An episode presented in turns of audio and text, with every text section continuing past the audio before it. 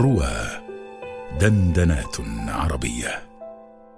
أخاف أن تمطر الدنيا ولست معي. فمنذ رحت وعندي عقدة المطر. كان الشتاء يغطيني بمعطفه فلا أفكر في برد ولا ضجر.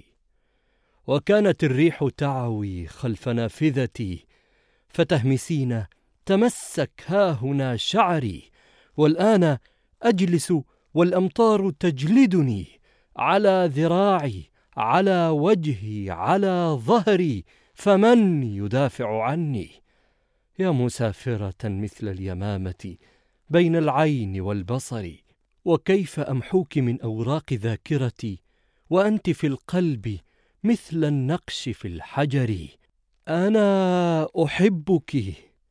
يا من تسكنين دمي إن كنت في الصين أو إن كنت في القمر ففيك شيء من المجهول أدخله وفيك شيء من التاريخ والقدر.